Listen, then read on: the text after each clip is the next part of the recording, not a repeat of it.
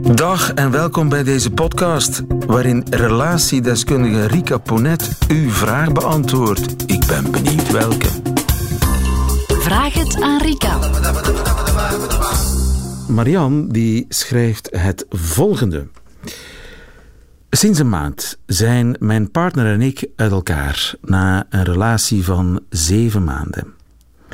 Vier jaar geleden heeft hij een hersentumor gehad en onderging toen een operatie en nadien kreeg hij bestraling en chemo.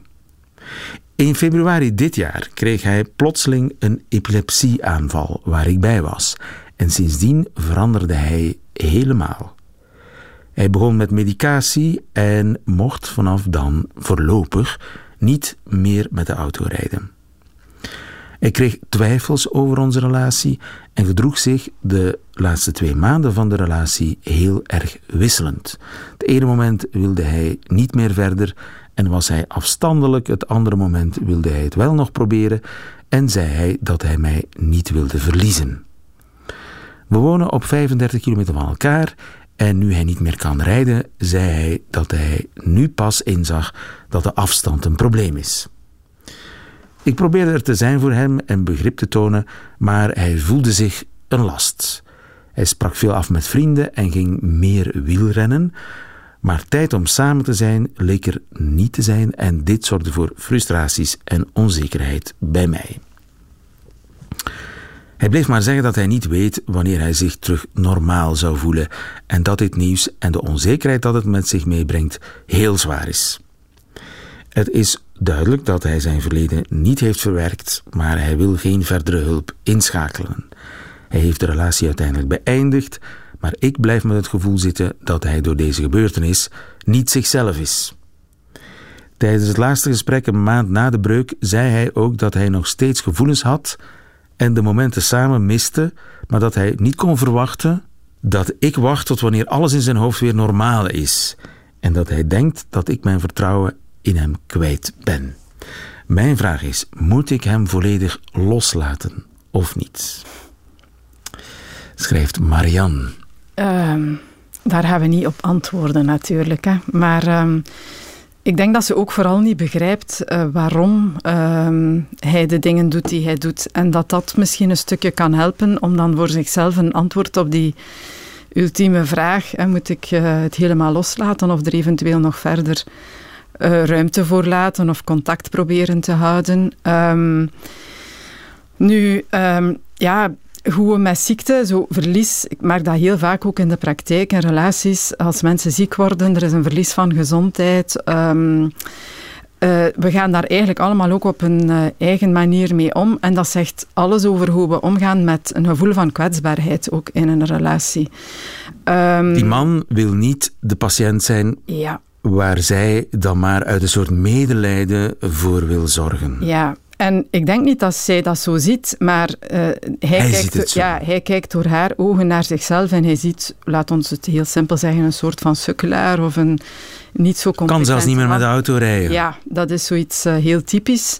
Um, nu, ja, hoe we omgaan met die kwetsbaarheid, dat heeft zeer veel te maken met hoe we daar ooit in der tijd, um, hoe er ooit in der tijd mee omgegaan geweest is toen we zelf kind waren.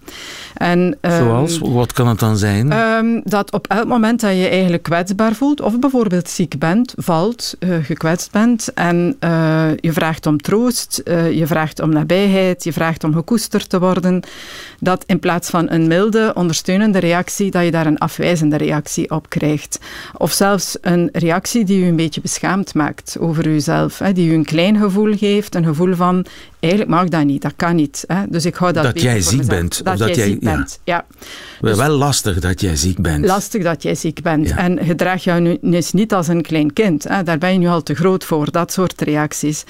Um, en na verloop van tijd ga je jezelf daar ook op afwijzen. En sta je dat eigenlijk ook nog heel moeilijk bij jezelf toe. Dat wordt een enorme frustratie. U niet presteren, niet naar buiten komen als uh, ik kan het aan, ik ben sterk, uh, ik sta er.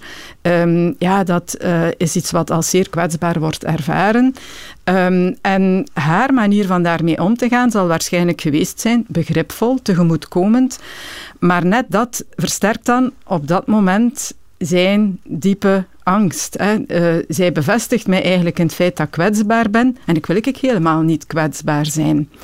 En dat zie je dan in relaties, dat dat soms een enorme uh, druk zet. Hè. Dat de ene het gevoel heeft, ik ben toch tegemoetkomend, ik ben begripvol, uh, ik ben zacht, ik ben medelevend. En de andere daardoor al maar meer het gevoel krijgt, zie je zo kwetsbaar ik ben. En dat is net iets wat ik niet aangenaam vind, me kwetsbaar voelen. Dus had zij wat harder geweest, wat meer zoals uh, ja, die, die man zijn ouders misschien destijds? Uh, dat is natuurlijk wat kort door de bocht, maar um, ja, wat ik soms wel merk is, het, het, het is goed om uh, aan je partner dan te vragen wat hij of zij het liefst heeft. Je hebt mensen die bij ziekte een stuk graag met rust gelaten worden. Ze vinden het wel fijn dat de partner er is als steun, maar bemoederd worden, dat vinden ze verschrikkelijk. Ik zeg maar wat. Um, en als ze dan bemoederd worden, dan ervaren ze, vinden ze dat eigenlijk een bijkomende last. En dat is vaak omdat je dat ja, um, omdat jou dat confronteert met iets wat je ooit als kind heel graag zou gehad hebben. En uh, wat je nu krijgt, maar wat je eigenlijk niet verdraagt. Omdat u dat confronteert met uw diepste angst om afgewezen te worden in kwetsbaarheid. Dus dat is nogal complex. Ja. Um, het feit dat hij... Um, hij zoekt vluchtroutes, dat is ook duidelijk. Hij gaat zeer veel fietsen. Uh, wielrennen, dat is voor mannen vaak een manier om zich krachtig en sterk te voelen. Hij, hij gaat dat heel veel doen.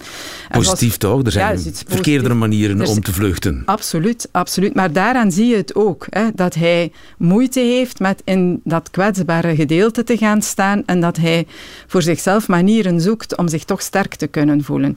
En bijvoorbeeld dat rijbewijs dat hij heeft moeten inleveren, dat is ook iets wat ik wel vaker hoor, bijvoorbeeld ook mensen op late leeftijd, een rijbewijs moeten afgeven, dat is veel meer dan ik mag niet meer met de auto rijden. Ah, je kan dat, als je zelf nog mag rijden, gaan relativeren en zeggen van, van ja, er is toch een openbaar vervoer en er zijn taxis.